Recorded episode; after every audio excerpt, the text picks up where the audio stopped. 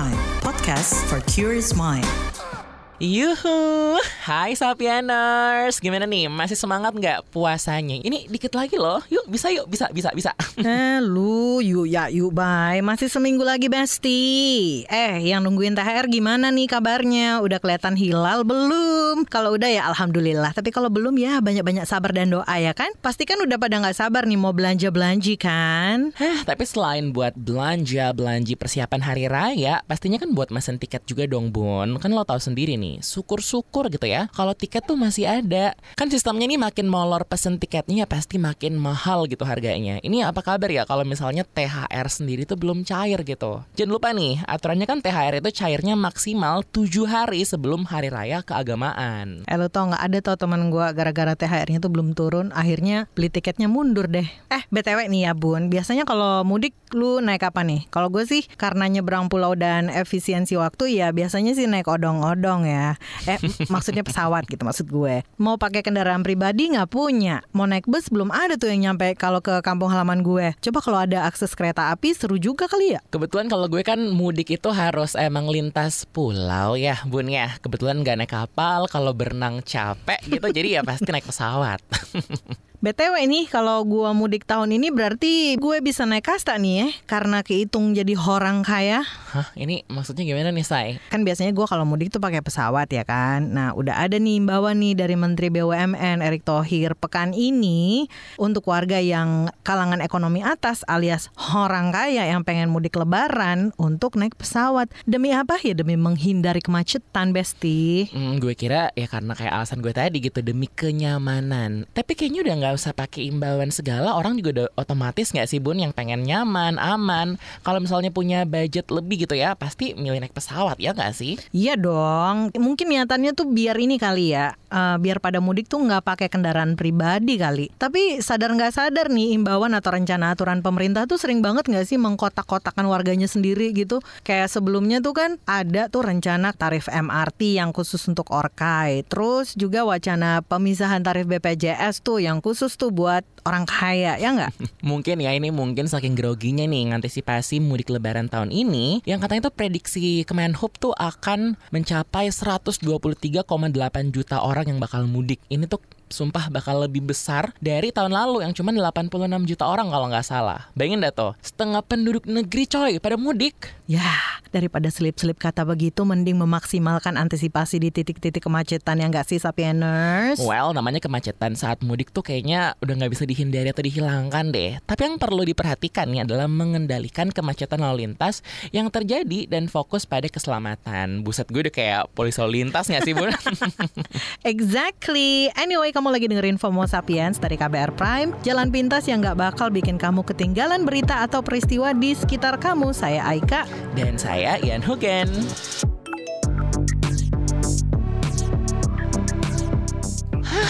Huf, gimana sih bacanya huf nih? Kenapa lu hafuf, Gitu ya. Helak napasnya panjang amat kayaknya. Ini nafas nih sepanjang sepanjang itu loh, sepanjang jalan kenangan, Bun. Terus kita bergandengan tangan dong. Cosplay titik adi dong. eh, ketawanya gak ikhlas banget. Anyway, ini loh bun, gue tuh lagi berduka karena perusahaan wadah favorit gue, Tupperware, terancam bangkrut. Oh alah, karena itu. Well, saham mereka ini kan udah turun sampai 90% kan setahun terakhir. Itu drastis banget gak sih, Bun? Well, bener-bener turut berduka cita nggak sih untuk gue dan perserikatan para emak-emak gitu ya? Tupperware lovers di luar sana. Barang siapa yang bakalnya dipakein Tupperware bisa lebih telaten dan hati-hati kali ya. Kalau hilang, aduh bisa nangis, datu nggak bisa beli ulang ya kan. Ntar bekalnya dibungkus pakai daun pisang lagi. Tinggal dikukus jadi kue pisang deh. Tapi sore-sore gini kayaknya jam-jam rawan lapar nggak sih bun? Semua tuh dikaitin gitu sama makanan. Tapi nggak cuma lu sih, gue juga lagi sedih nih sama keblunderan yang baru terjadi akhir-akhir ini. Wait, ini blunder Tupperware akhirnya bikin blender apa gimana sih? Blunder, Oh, bukan blunder. blender. Please deh, bun move on. Mungkin lu bisa coba buka hati untuk lock and lock. Lock and lock ditunggu ya nanti adlibsnya, invoice-nya gitu. Hahaha, amin. Oke, back to the topic. Yang blunder itu ini loh, Bun, pemberitaan kasus AG dan Mario Dandi. Oh itu tuh, itu emang udah ada berita kelanjutannya ya bun ya. Gue tuh taunya terakhir tuh korban David Ozora tuh akhirnya kesampaian untuk megang kumis um, ini loh suami Inul, Mas Adam Suseno. Ya, selain itu ada sih update dari kasus tersebut. Jadi Senin 10 April kemarin tuh sidang vonisnya AG digelar di Pengadilan Negeri Jakarta Selatan. Singkatnya, AG terbukti bersalah dan divonis tiga setengah tahun penjara.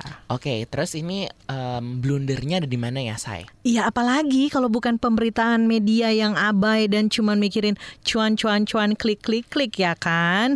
Instead of ngangkat hal yang lebih berfaedah yang dibahas kan malah hal yang sifatnya pribadi dan menyerempet seksual gitu. Misalnya kayak berhubungan badan kayak gitu-gitu. Tapi asli deh, ini bener-bener selalu apa ya? Yang dibahas tuh hal berbau seksual, terus yang di highlight tuh ya itu itu aja gitu. Instead of hal lain yang mungkin lebih penting dan relevan dalam kasus ini. Ini tapi bukan berarti gue tuh nggak sepakat sama keterbukaan ketika ngomongin hal-hal berbau seksual ya. Anyway, soal hal menyerempet hubungan badan nih, influencer Mazini GSP cerita kalau sebenarnya Pengadilan Negeri Jaksel itu udah kasih note of the record sebenarnya. Nah, kalau di istilah jurnalisme, of the record itu indikasi bahwa jurnalis nggak boleh masukin info ke dalam sebuah berita. Jadi, pihak pengadilan juga udah aware enough sebenarnya sama hal ini, yet some media chose to accidentally or incidentally disobeyed. Ini berarti ya banyak banget ya media yang dasarnya tuh nggak ngikutin prinsip dasar pembuatan berita gitu. Ya, well, that's the pity truth nggak sih? Banyak banget gitu dosa-dosa media ini. Pertama, udah melanggar kewajiban merahasiakan identitas anak yang diatur dalam pasal 19 Undang-Undang Sistem Peradilan Pidana Anak. Ya sekalipun ini sidang terbuka ya, tapi kan identitas dan gambar si anak ini nggak boleh diumbar gitu. Terus cuman boleh pakai inisial aja, refer ke pasal 61 undang-undang yang sama. Nah, kedua, mereka tuh juga udah melanggar poin pertama pedoman pemberitaan ramah anak dari peraturan Dewan Pers di mana wartawan tuh wajib banget merahasiakan identitas anak, khususnya anak yang ada di dalam sistem peradilan pidana termasuk ketika dirinya dijatuhi pidana begitu. Ini terus sanksi pidananya ada nggak nih? Nah, kalau menurut pasal 97, kalau melanggar pasal 19 yang soal merahasiakan identitas ya bakal dijatuhi pidana penjara paling lama 5 tahun dan denda paling banyak 500 juta rupiah. Tapi ya bagai nasi udah jadi bubur lah, telanjur udah rame dan ya tadi berimbas bikin orang banyak yang jadi apa namanya slut shaming ke AG ini. Tapi ya emang namanya juga netizen ya bun ya. Suka gemes kan kalau misalnya adalah berita atau hal-hal yang baunya tuh kayak gini gitu. Banyak yang tiba-tiba jadi polisi moral. Duh, tapi mungkin bisa lo jelasin dulu kali ya Apa sih slut shaming itu? Kalau gue boleh mengutip Oxford Dictionaries nih Jadi slut shaming itu label buat seseorang karena berperilaku sensual. Highlightnya sih ada di tujuan nih. Tujuannya adalah untuk mempermalukan dan merendahkan orang tersebut. Slut shaming ini bisa menyasar ke cara berpakaian seseorang ataupun aktivitas seksual mereka gitu. Oke, berarti kan ini putusan hukum Agi kan udah dijatuhkan ya. Berarti netizen yang budiman tuh harusnya udah nggak usah gitu ikutan jadi hakim. Apalagi sampai nge-slut shaming anak di bawah umur gitu. Itu dia. Selain itu juga kan kasus AG ini bikin munculnya diskusi soal age of consent kan alias batasan umur untuk berhubungan seks dengan konsensual. Hmm, hari ini banyak kayak istilah-istilah baru gitu ya Bun ya. Hmm, banget. Age of apa tadi namanya? Age of consent. Apaan tuh? Jadi, kalau menurut Elizabeth A. Martin dalam bukunya A Dictionary of Law mendeskripsikan kalau age of consent itu sebagai usia seorang perempuan secara hukum dapat menyetujui hubungan seksual. Nah, kalau di Indonesia sendiri, age of consent-nya adalah 18 tahun, Bun. Oke, berarti sensi AG, AG, AG ini masih 15 tahun ya. Berarti dia tuh hitungannya masih di bawah age of consent, betul? 100 tuh ambil sepedanya ya. Tapi kalau di mata hukum nih, persetujuan dia terkait seksualitas itu nggak bisa diakui kebenarannya gitu. Maka dari itu, aktivitas seksual kepada dia itu bisa dikategorikan dikategorikan sebagai statutory rape atau aktivitas seksual yang melibatkan anak di bawah usia age of consent. Tapi sebenarnya kalau peraturan negara nih ya Bun ya, ada nggak sih yang bahas soal age of consent itu? Aduh ini banyak Bun ternyata Bun peraturan-peraturannya dan gue nemu nih ya. Jadi kalau merujuk ke pasal 1 Undang-Undang Perlindungan Anak, yang masuk kategori anak adalah seseorang yang belum berusia 18 tahun. Nah ini meliputi anak yang masih dalam kandungan. Pasal 15 itu juga menulis kalau setiap anak wajib memperoleh perlindungan dari kejahatan seksual. Selain itu, ada pasal 76D yang melarang ancaman atau perbuatan kekerasan memaksa anak melakukan persetubuhan dengannya atau dengan orang lain. Bahkan pasal 59 secara spesifik tuh nulis kalau anak yang dieksploitasi secara ekonomi dan atau seksual wajib dapat perlindungan khusus. Berarti kalau sanksi untuk pelaku ada nggak tuh aturannya? Nah, kalau sanksi buat pelaku nih diatur nih dalam Kitab Undang-Undang Hukum Pidana atau KUHP pasal 287 di mana mereka yang bersetubuh dengan perempuan bukan istri belum 15 tahun kalau tidak nyata berapa umurnya atau belum masanya untuk kawin itu bakal dihukum penjara selama-lamanya 9 tahun. Oke, berarti ini bisa nggak sih dikaitin sama kasus yang kemarin itu loh yang sempat rame juga yang anak di bawah umur yang meranin karakter istri ketiga di sinetron. Oh iya, gue sih kalau ngeliat itu tadi bisa jadi salah satu trigger untuk orang-orang melakukan statutory rape ke anak itu ya nggak sih? Plus mestinya nih kan si anak juga dapat perlindungan khusus gitu yang berdasarkan undang-undang perlindungan anak karena hitungannya tuh kayak dieksploitasi secara seksual dan ekonomi gitu. Hmm, atau enggak tuh justru bisa jadi ini loh bun, justifikasi oknum semisal hubungan dengan anak di bawah umur tuh nggak salah-salah banget gitu. Well, gimana pun media kadang terpaksa bikin berita atau konten blunder macam begitu ya karena itu yang kesannya kayak mungkin dianggap disukain sama audiensnya ya nggak sih? Jadi menurut gue tuh kayak harus audiensnya gitu yang aware dan bisa menganggap serius soal age of consent ini. Mungkin selain itu kembali lagi ya dari penyedia konten juga gitu untuk harus lebih bijak dalam ya bikin konten. Karena nggak bisa nutup mata juga bun apa yang diberitain media itu bisa ngebentuk opini publik. Setuju.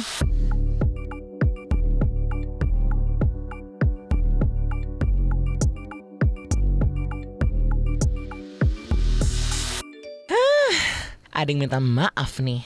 Aduh, influencer mana lagi nih, Beb? Eh, jangan salah, kali ini pejabat, Bun. Orang pajak atau bea cukai lagi nih? Belum ada yang ketahuan lagi sih kalau yang itu ya. Lah, terus siapa dong? Ya ini nih wali kotanya Bogor, Bima Arya. Aduh, sebabnya apa tuh? Apaan sih yang diviralin netizen sampai minta maaf begitu? Jadi nih, Besti Sapieners setelah melewati proses 15 tahun untuk mendirikan gereja untuk ibadah, GKI Yasmin akhirnya kelar dibangun dan diresmikan hari Minggu kemarin. Menko Polhukam Mahfud MD dan Wali Kota Bogor Bima Arya turut hadir ketika peresmian kemarin itu. Nah, Pak Bima Arya curhat tuh pas ngasih sambutan. Merasakan penyesalan dan kebahagiaan katanya. Anaknya kompleks abis ya. Tapi kok pakai bahagia? Doi menyesal karena proses peresmian gereja harus memakan waktu hingga 15 tahun, tapi tetap senang lantaran peresmian gereja tersebut tetap terwujud sesuai mimpi para jemaat. Saat itulah Doi juga menyampaikan permintaan maaf karena terlalu lama meresmikan GKI Yasmin. Hah, mau punya tempat buat ibadah aja susah banget loh ya nih ya, Sapieners. Tapi kalau nggak salah nih, uh, gue pernah baca nih kalau salah satu mimpi besar wali kota Bogor Bima Arya ketika dilantik sebagai wali kota Bogor tahun 2014 yang lalu adalah mengembalikan Bogor sesuai sejarahnya, yakni kota toleran. Wait, itu berarti maksud lo mimpi Pak Bima ini udah tercapai gitu, Bun? Iya, gue nggak bisa jawab yang itu juga sih. Tiap tahun kan Setara Institut ngeluarin tuh indeks kota toleran. Bogor kan sempat masuk sebagai kota yang nilainya kurang gitu ya. Ini katanya bikin dia galau dan gundah gulana gitu. Seolah kalau ke mana-mana tuh di dahinya tuh ada ya cap intoleran gitu. Ke mana-mana wali kota intoleran. Ya, itulah kata Pak Bima Arya loh ya. Tapi kan kemarin nih Setara baru ngeluarin indeks terbaru ya Bun ya. Kira-kira Bogor masih masuk gak ya? Kota-kota intoleran dan intoleran tuh apa aja sih kali ini gitu? Buat ngobrolin itu kita udah barengan nih sama peneliti Setara Institut Mas Iksan Yosari. Halo, salam kenal. Oke nih Mas Iksan, sebelum kita mulai spill ya, mana aja nih kota yang toleran dan intoleran, mungkin bisa disampaikan terlebih dahulu apa aja sih yang dijadikan dasar penilaian indeks kota toleran untuk tahun ini? Oke, terima kasih Ian. Pertama, mungkin saya perlu disclaimer dulu bahwa dalam penelitian indeks kota toleran ini, itu kita sama sekali tidak pernah menyebutkan ada yang namanya kota intoleran. Nggak ada. Kita hanya menggunakan term kota dengan skor toleransi tertinggi dan kota dengan skor toleransi terendah. Karena asumsi dasar dari IKT ini atau indeks kota toleran itu kita mengasumsikan bahwa pada dasarnya semua kota di Indonesia itu memiliki nilai ataupun toleransinya masing-masing. Hanya saja pada pengelolaannya atau tata kelolanya itu terdapat hal-hal yang barangkali menyebabkan fluktuasinya atau fluktuatifnya. Kedua mengenai sebenarnya tujuan IKT itu sederhana. Kita hanya ingin mempromosikan nilai maupun praktik toleransi di kota-kota di seluruh Indonesia. Mengingat Ian juga pasti tahu di mana beragamnya masyarakat di Indonesia sehingga tentu nilai dan praktik toleransi itu penting untuk terus di, dipromosikan, dipraktikkan dan seterusnya gitu. Dan dalam kota IKT ini karena kita ingin menilai kota, artinya bukan hanya pemerintah kota, tapi juga seluruh elemen atau unsur yang terdapat dalam kota itu sendiri, termasuk masyarakat, termasuk desain pembangunannya dan, dan seterusnya. Jadi bukan hanya pemerintah. Untuk mengukur sebuah kota itu skor toleransinya tinggi atau rendah, kita menggunakan empat variabel yang diturunkan menjadi delapan indikator IAN. Variabel pertama itu regulasi pemerintah yang terdiri atas dua indikator, yakni RPJMD atau dokumen perencanaan pembangunan lainnya, dan yang kedua mengenai ada atau tidaknya kebijakan diskriminatif.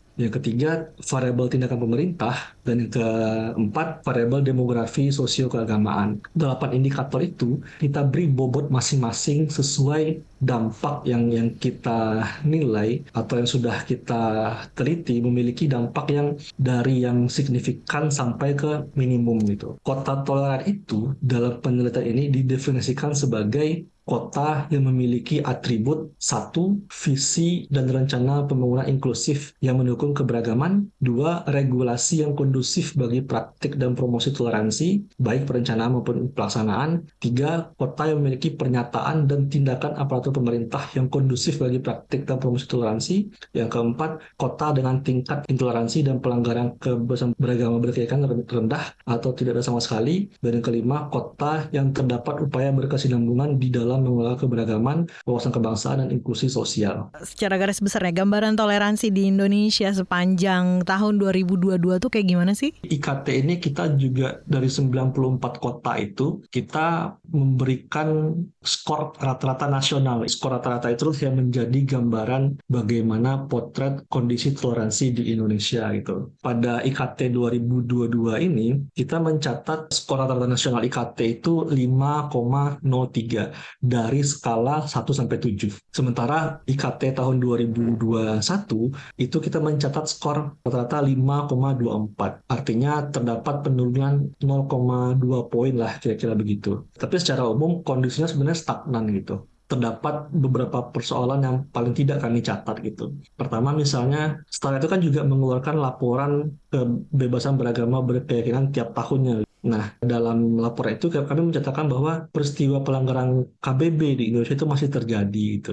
Dan bahkan secara kuantitas maupun kualitas itu masih memerlukan perhatian yang serius dari pemerintah karena bukan hanya pelakunya dari aktor non negara, tapi aktor negara terutama pemerintah di daerah juga berkontribusi terhadap pelanggaran itu. Juga ada persoalan-persoalan yang yang dari dulu belum berubah yaitu masih adanya produk hukum di daerah yang yang kontributif terhadap pelanggaran atau tindakan intoleransi. Karena produk hukum itu menjadi semacam alat legitimasi bagi kelompok tertentu ataupun bagi pemerintah itu sendiri dalam melakukan tindakan-tindakan intoleran gitu. Dan yang ketiga itu mengenai faktor kepemimpinan gitu. Karena faktor kepemimpinan itu sangat berkontribusi terhadap bagaimana kondisi toleransi di suatu daerah. Jika kepemimpinan toleransinya kuat, maka berbagai peristiwa intoleransi sekalipun yang dilakukan oleh aktor negara kepada kelompok minoritas, maka kepemimpinan itu bisa menjadi atau pemimpinan di kota itu bisa berada di, di garis terdepan dalam memastikan jaminan hak konstitusional dari kelompok minoritas. Nah, tadi kan di awal tuh kita sempat ngobrol nih tentang di Bogor GKI Yasmin yang baru diresmikan itu.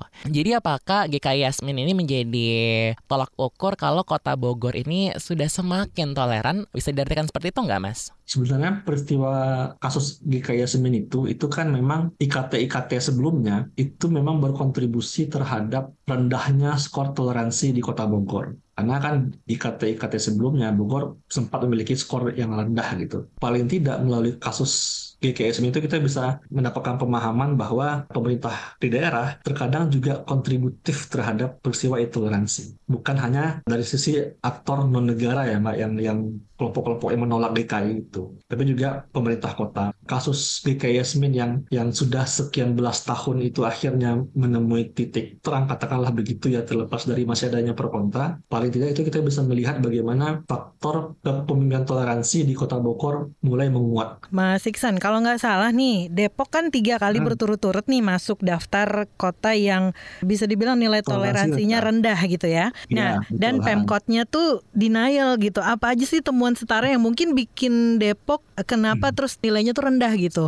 Banyak orang itu menilai atau melihat kota itu toleran atau tidak itu hanya mengacu kepada peristiwa. Jadi kalau misalnya nggak ada peristiwa intoleransi di situ, itu dianggap kondusif. Padahal tidak. Nah, terkait dengan kota Bogor, eh sorry, kota Depok, kalau misalnya kita lihat track recordnya dalam beberapa tahun terakhir, peristiwa intoleransi terjadi, terutama yang yang di yang dialami oleh teman-teman jemaat Ahmadiyah Indonesia, masjidnya disegel dan seterusnya dan seterusnya gitu. Kota Depok ini memiliki kendala yang serius terhadap bagaimana peristiwa intoleransi itu dapat dicegah. Menjadi menjadi rumitnya adalah ketika perlakuan terhadap kelompok minoritas itu menggunakan perspektif keamanan dan keterlibatan umum bukan paradigma jaminan pemenuhan hak konstitusional setiap warga negara. Jadi misalnya ada kelompok minoritas seperti Ahmadiyah yang melakukan aktivitasnya seperti sebagaimana warga negara biasa, kemudian karena ada beberapa kelompok tertentu yang menolak, kemudian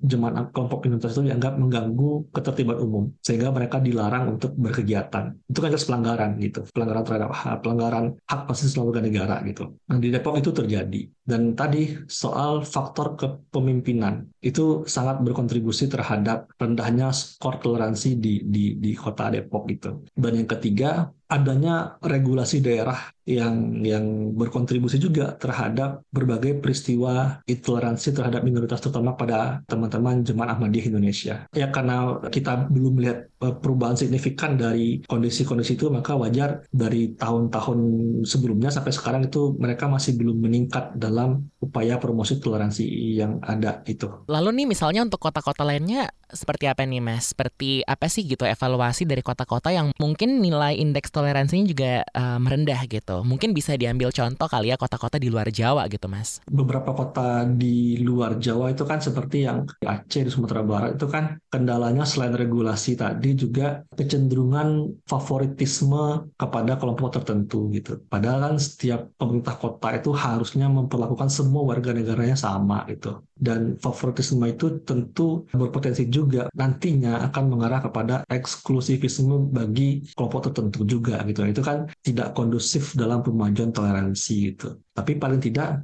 kota-kota uh, yang demikian, yang dalam IKT ini mendapatkan skor toleransinya yang rendah, memang perlu melihat bagaimana kota-kota dengan skor toleransi tertinggi itu memainkan orkestrasi atau desain tata kelola kota yang toleran gitu. Ya lihat saya kota Singkawang, kota Salatiga, dan Bekasi yang kemarin menduduki peringkat ketiga, ranking ketiga itu. Kota-kota itu bahkan dalam regulasinya mereka membuat regulasi daerah entah itu peraturan wali kota atau peraturan daerah itu yang spesifik mengatur soal tata kelola toleransi di kota masing-masing. Nah, regulasi itulah yang kemudian menjadi payung hukum bagi setiap aparat di kota itu untuk menjalankan berbagai tindakan dalam promosi toleransi dan begitu pun kelompok-kelompok minoritas di kota itu itu juga merasa secara regulasi mereka terlindungi juga gitu. Karena regulasi itu tidak memberi ruang kepada kelompok-kelompok yang tidak kondusif terhadap toleransi untuk bergerak ataupun melakukan tindakan-tindakan yang tidak sepatutnya untuk promosi toleransi gitu. Dan juga kota-kota yang memiliki toleransi terbaik itu, itu juga memiliki kepemimpinan toleransi yang kuat juga gitu. Misalnya kota Bekasi itu dalam IKT yang tahun 2022 mereka membuka ruang-ruang dialog dengan masyarakat baik itu pemerintah kota bahkan sampai masyarakat di level kelurahan dan di bawah dan atau di atasnya itu membangun ruang-ruang dialog toleransi gitu Mbak sehingga toleransi itu memang mereka tanamkan, mereka sebarkan, mereka dialogkan bersama elemen masyarakat secara luas gitu. Dan itu juga melibatkan tokoh-tokoh agama dari berbagai agama kepercayaan di, di kota itu gitu. Dan itu difasilitasi oleh pemerintah kota kotanya. Artinya sinergitas toleransi itu itu terbangun baik oleh pemerintah kotanya, tokoh agama atau tokoh masyarakatnya sehingga membentuk ekosistem yang ekosistem toleransi yang kondusif gitu. Dan itu juga terjadi di kota-kota seperti Singkawang, Salatiga, Surakarta dan seterusnya gitu, Mbak.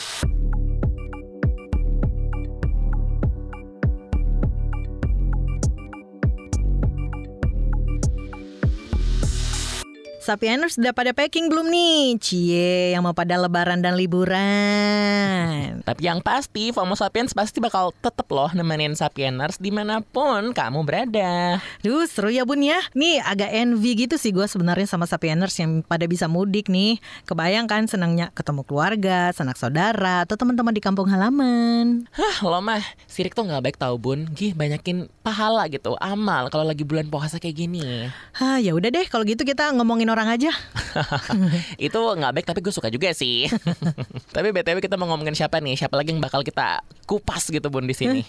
Kepancing juga dia. Itu loh bun, tokoh agama yang sepekan ini viral jadi bahasan warga sedunia. Walah, sih ini kan Dalai Lama yang dikecam banyak pihak gara video yang menampilkan dirinya tuh meminta seorang bocah mengisap lidahnya dan mencium si anak itu di depan publik itu kan. Ini gimana nggak rame coba di mana-mana Besti? Jadi dari hasil penelusuran kecil-kecilan gue nih, Sapieners bisa googling juga gitu ya untuk lebih lengkapnya.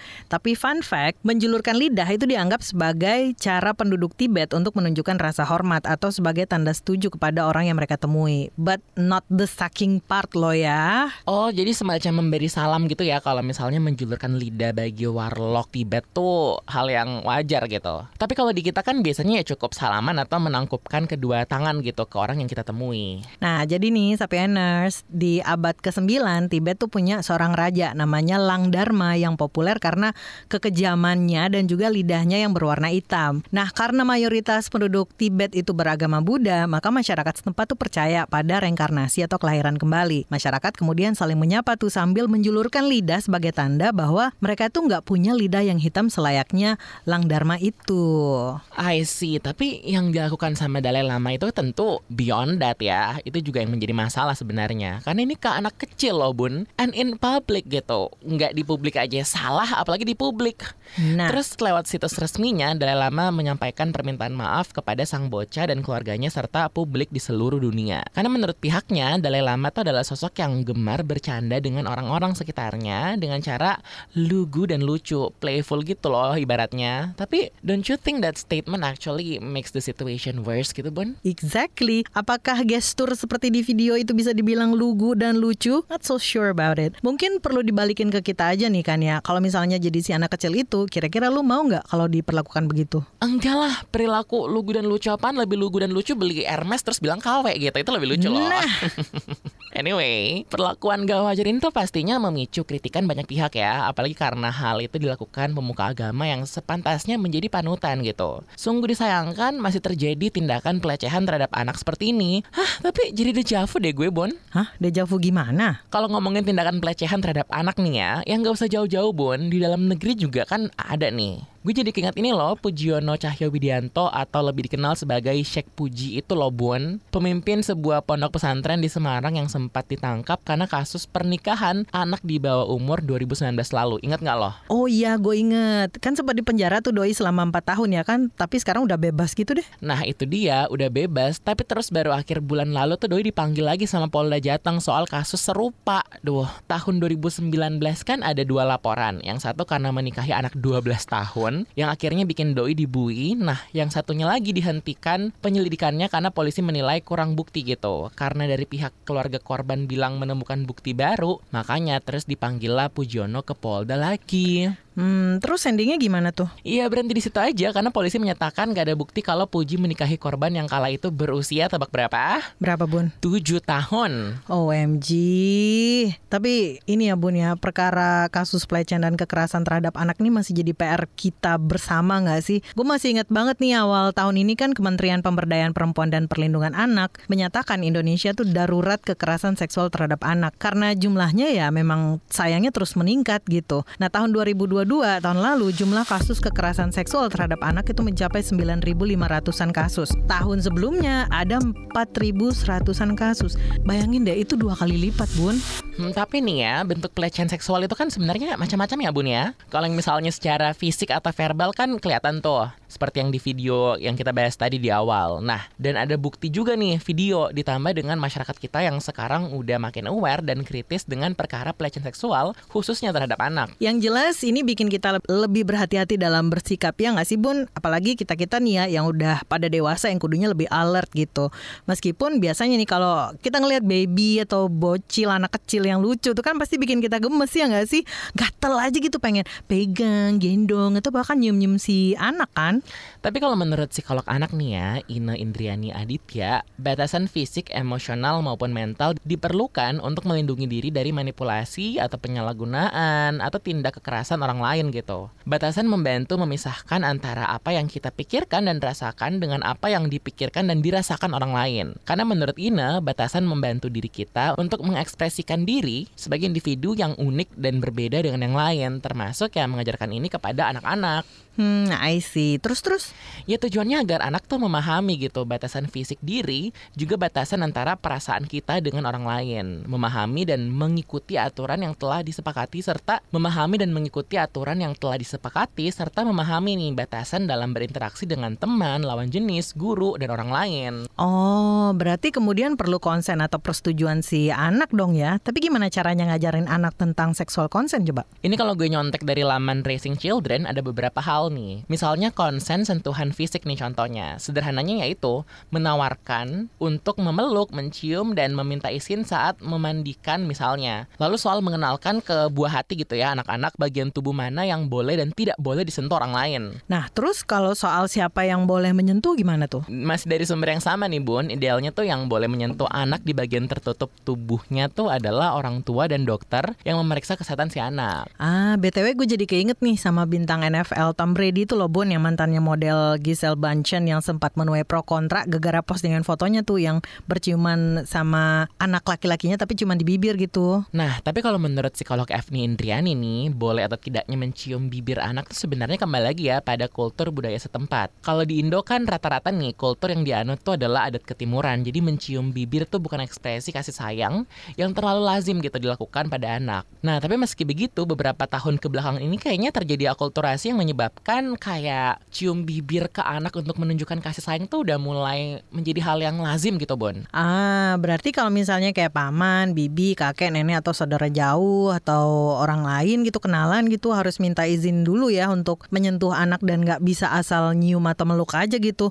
Wah, ortu kudu ngasih tau keluarga juga nih soal ini. Jadi si anak akan didukung keputusannya kalau misalnya menolak dicium atau dipeluk gitu, bukannya malah dibully ya kan? And last but not least, penting juga nih untuk turut mengajarkan anak untuk berkata tidak. Karena menurut situs parents, kata tidak tuh tidak hanya diperlakukan untuk anak biar dia tuh bisa melindungi dirinya saat ada yang akan menyentuhnya, tapi juga saat misalnya temannya berkata tidak untuk sesuatu yang membuatnya tidak nyaman, ya anak tuh harus menghargainya gitu. Wah, ini mah kerja bareng-bareng banget ya Bun ya. Semua kudu terlibat begitu, even though it takes time. Bisa kita semua mulai dari sesuatu yang sederhana dulu ya kan? Exactly, kan kayak pepatah Afrika yang bilang it takes a village to raise a child.